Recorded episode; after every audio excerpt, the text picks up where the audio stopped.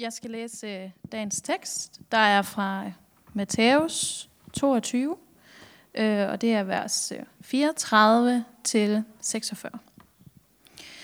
Da farisæerne hørte, at Jesus havde lukket munden på sadukæerne, samledes de. Og en af, de, og en af dem, en lovkyndig, spurgte ham for at sætte ham på prøve. Mester, hvad er det største bud i loven? Han sagde til ham, du skal elske Herren din Gud af hele dit hjerte og af hele din sjæl og af hele dit sind. Det er det største og det første bud. Men der er et andet, som står lige med det. Du skal elske din næste som dig selv. På de to bud hviler loven og profetierne. Men farisæerne var forsamlet. Mens farisæerne var forsamlet, spurgte Jesus dem, hvad mener I om Kristus? Hvis søn er han? De svarede, Davids. Han sagde til dem, hvordan kan, David, hvordan kan David så ved ånden kalde ham herre og sige, Herren sagde til min herre, sæt dig ved min højre hånd, indtil jeg får lagt dine fjender under mine fødder. Når David altså kalder ham herre, hvordan kan han så være hans søn? Ingen kunne svare ham et ord, og for den af turde heller ingen længere spørge ham om noget.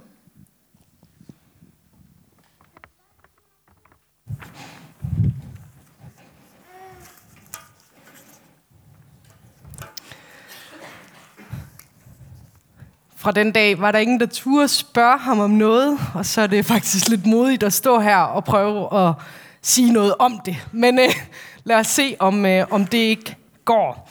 Tusind tak øh, for invitationen her. Det er helt vildt skønt at være sammen med jer. Jeg føler virkelig, at øh, jeg er blandt venner, så, øh, så det kan jo ikke gå helt galt. Hvert eneste år, så kommer det lidt som en overraskelse for mig. Når sommeren den slutter, og efteråret kommer, så bliver jeg altid forundret.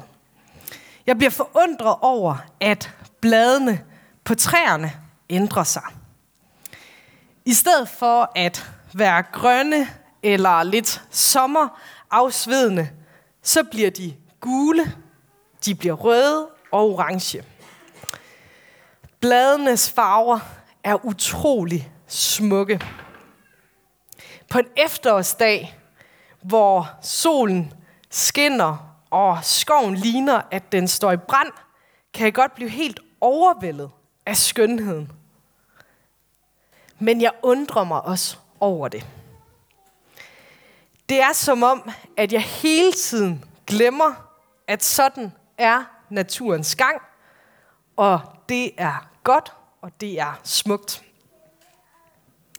Sådan er det måske også med det her budskab, som Jesus kommer med til os i dag. Det er noget, vi måske har hørt før, men alligevel kan det være, at vi har glemt det. Eller hans ord kommer til os på en ny måde til at stå for os som smukke og gode. Jesus deltog hele tiden i samtaler, som handlede om, hvem er Gud? Hvordan skal jeg tro? Hvornår gør jeg det rigtige? Og andre spørgsmål. Disse emner de blev diskuteret, når folk samledes på torve og uddannelsessteder. Det er ikke helt det, vi taler om i Rema eller på arbejdspladsen. Og derfor der kan det jo også virke sådan lidt øh, som en mærkelig samtale, vi bliver lytter til i dag. Men da Jesus gik i Jerusalems støvede gader, var det helt almindeligt at drøfte disse emner. I dagens læsning hørte vi, hvordan Jesus blev sat på en prøve af datidens teologer, farisæerne. Hvad er det største bud i loven? Det er egentlig et godt og vigtigt spørgsmål. Men som passagen fortæller os, var det en prøve, Jesus blev sat på. Det betød altså, at Jesus meget let kunne træde ved siden af. For alt afhængig af, hvad han svarede, kunne det skabe forskellige grimasser på tilhørende. Jesus kunne meget let svare forkert. Måske kender vi til det med at kunne svare forkert nogle gange. Alt afhængig af, i hvilket sammenhæng vi er i, så kan vi måske øh, have en følelse af, at øh, vi med vores svar så kan gå grueligt galt i byen. Jeg kender det for eksempel fra mig selv, når jeg er sammen med mennesker, som ved utrolig meget om musik. For jeg ved utrolig lidt om musik. Jeg beklager til Heislet-klanen. Det har vi, jeg beklager der. Og jeg kan hurtigt i de sammenhænge, hvis vi snakker om musik, og hvis de spørger mig om et eller andet inden for musik, have den der følelse af, nu svarer jeg forkert. For jeg ved faktisk ikke helt, hvad det rigtige svar er. Det kan også være, at øh, vi kender det, når vi er i sammenhæng, hvor der tales om værdier. Hvilke værdier er de vigtigste for en i livet? Hvis nu man er sammen med nogen, som sætter succes som en høj værdi, men for en selv, så betyder værdien af samhørighed mere, så kan det godt føles som om, at man svarer forkert. Og det betyder ikke, at den ene værdi er mere rigtig end den anden, men det kan man godt have en oplevelse af, hvis man er i mindretal. Og måske så kender vi det også lidt her fra kirken. Når vi øh, taler med vores præst eller teologer, så kan vi måske hurtigt føle, at han eller hun ved så meget mere om troen, end vi selv gør. Og derfor kan vores tanker og erfaringer trosmæssigt føles forkerte. Også selv når præsten har sagt, at der ikke findes et rigtigt svar. Hvad er det største bud i loven? Sådan lød datidens teologers spørgsmål til Jesus. Sagt på en anden måde. De spurgte Jesus, hvordan forstår du, hvem Gud er? Og alt afhængig af, hvad Jesus svar var på det største bud i loven, vil det fortælle om, hvordan han forstod Gud. Jesus svarer, at det største bud i loven er, at et menneske skal elske Gud med alt, hvad det har. Ens tro er ikke kun en intellektuel øvelse, eller en følelsesmæssig orientering, eller en praktisk sag. Nej, ens tro på Gud påvirker hele ens jeg. Troen er både i tankerne, i følelserne og i hænderne. Troen er både i hjerne, hjerte og hænder. Men troen, den er ikke kun til for ens egen skyld. Nej, den er også for ens medmenneske skyld. Du skal elske Herren, din Gud, af hele dit hjerte og af hele din sjæl og af hele dit sind. Det er det største og det første bud. Men der er et andet, som står lige med det. Du skal elske din næste som dig selv. Jesus gav et svar, der ikke kunne modsiges. For Jesus svarede det, som enhver jøde bekendte på daglig basis, når han eller hun sagde sin trosbekendelse. Og Jesus, han kunne have afsluttet den teologiske diskussion her. Men i stedet for, så valgte han at stille et spørgsmål, som teologerne, farisæerne, ikke kunne svare på. Jesus havde givet et svar, som ikke kunne modsiges. Og nu kom han med et spørgsmål til farisæerne, som de ikke kunne svare på.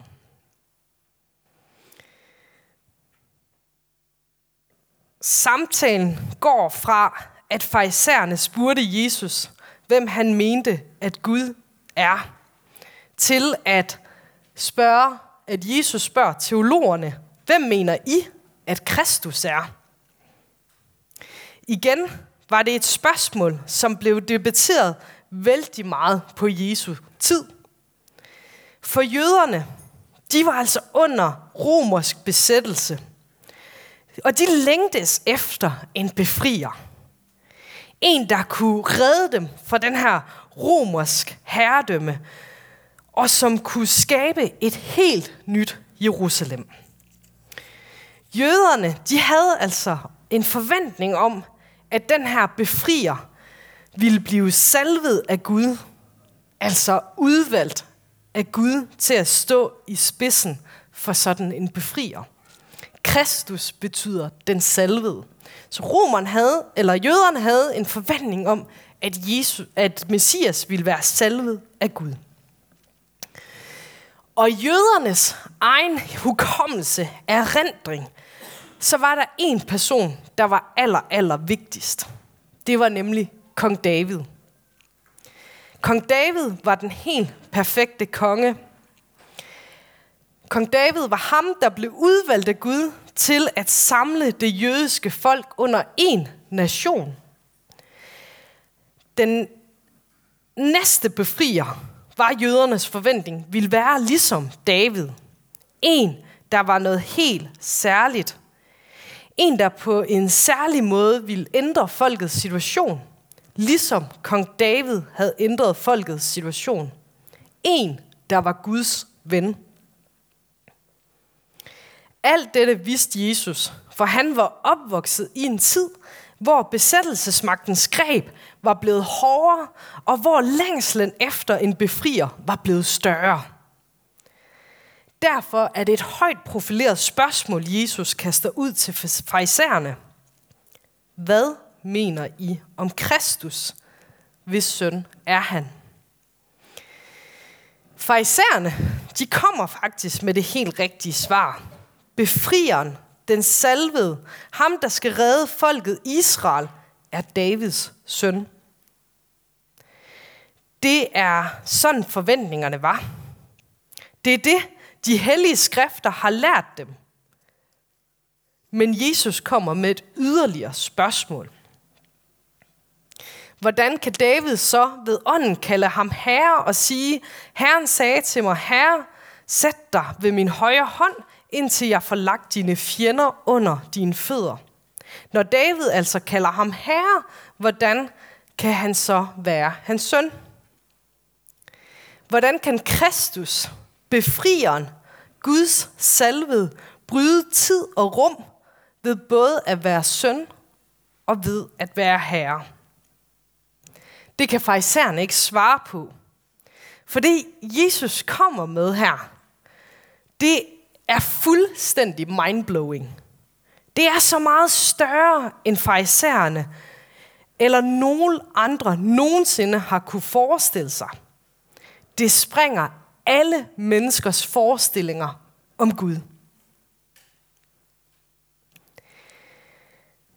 Jeg ved ikke, hvad I alle sammen går og tænker og tror om Gud. Måske er virkeligheden den, at det ved vi heller ikke altid selv. Nogle dage, så kan vi måske opleve, at vores tro er stærk, og vi ved bare, at det giver helt vildt god mening for os at tro på Gud. Andre dage, så ved vi måske ikke helt, hvorfor vi tror. Måske er det en tro på trods. Og måske er der nogle dage, hvor vi ikke entydigt kan svare på, om vi tror, eller hvordan vi egentlig forstår vores verden. Har Gud egentlig noget med den at gøre? Jesus var hele tiden i samtale med mennesker om, hvilke forestillinger de havde om Gud, og sådan en samtale er vi også i nu. Hvad tror vi egentlig om Gud? Hvem er Gud? Er det en streng Gud, som vil have, at du følger alle reglerne? Er det en Gud, der kommer mig helt nær, også når jeg ikke mærker det? Er det en Gud, som vil befri mig fra, fra mine udfordringer? Eller er Gud en, der er med i min smerte? Giver Gud mig en klar retning på livet? Eller skal jeg bare selv lidt finde ud af det hele? Hvordan kan jeg kommunikere med Gud? Jeg kender ikke dine spørgsmål og overvejelser om, hvem Gud er. Men jeg ved, at mennesker altid har undret sig. Ligesom datidens teologer var optaget af at besvare spørgsmål om, hvem Gud er, sådan er vi også mange, der er det i dag. I dag lyder spørgsmålet lidt anderledes, men essensen er måske den samme. Kan vi kende Gud?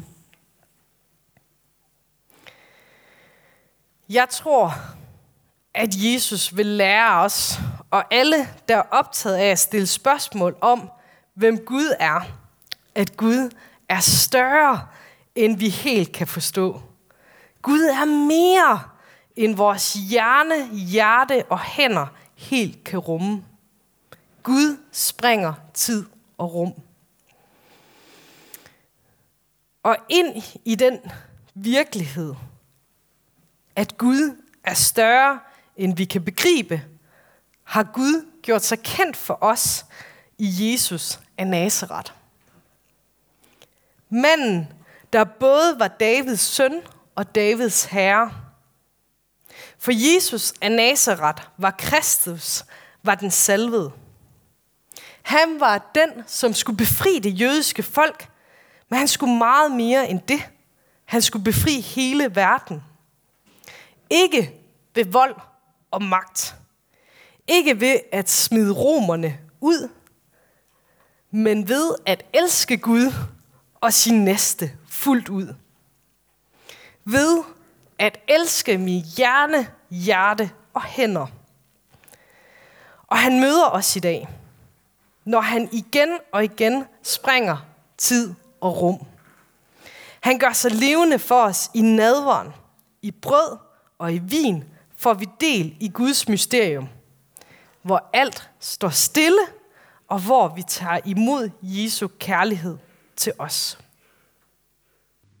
Når efteråret banker på, og bladene giver skovene et lyske af flammer, så forundres jeg over, at den skønhed kommer hvert eneste efterår. Selvom jeg har set det mange gange før, er det på en mærkværdig måde nyt for mig. På samme måde bliver jeg i dag i læsning om, at Jesus er en konge, der bryder tid og rum, og som regerer ved at elske alle mennesker forundret. Jeg bliver forundret over, at Jesus er Gud. For så bliver min forestilling om, hvem Gud er, forandret. For Gud er større, end jeg helt kan forstå. Og Gud er bedre, end jeg nogle gange tror på. For Gud satte ikke ind med vold og magt for at være sammen med sin elskede skabninger. I stedet for, så kom skaberen til os igennem en mand, som elskede med alt, hvad han havde, og tjente med alt, hvad han var. Og derfor siger vi, lov og tak og evig ære dig, hvor Gud, Far, Søn og Helligånd, du som var og er og bliver en sand treenig Gud, højlået fra første begyndelse, nu og i al evighed. Amen.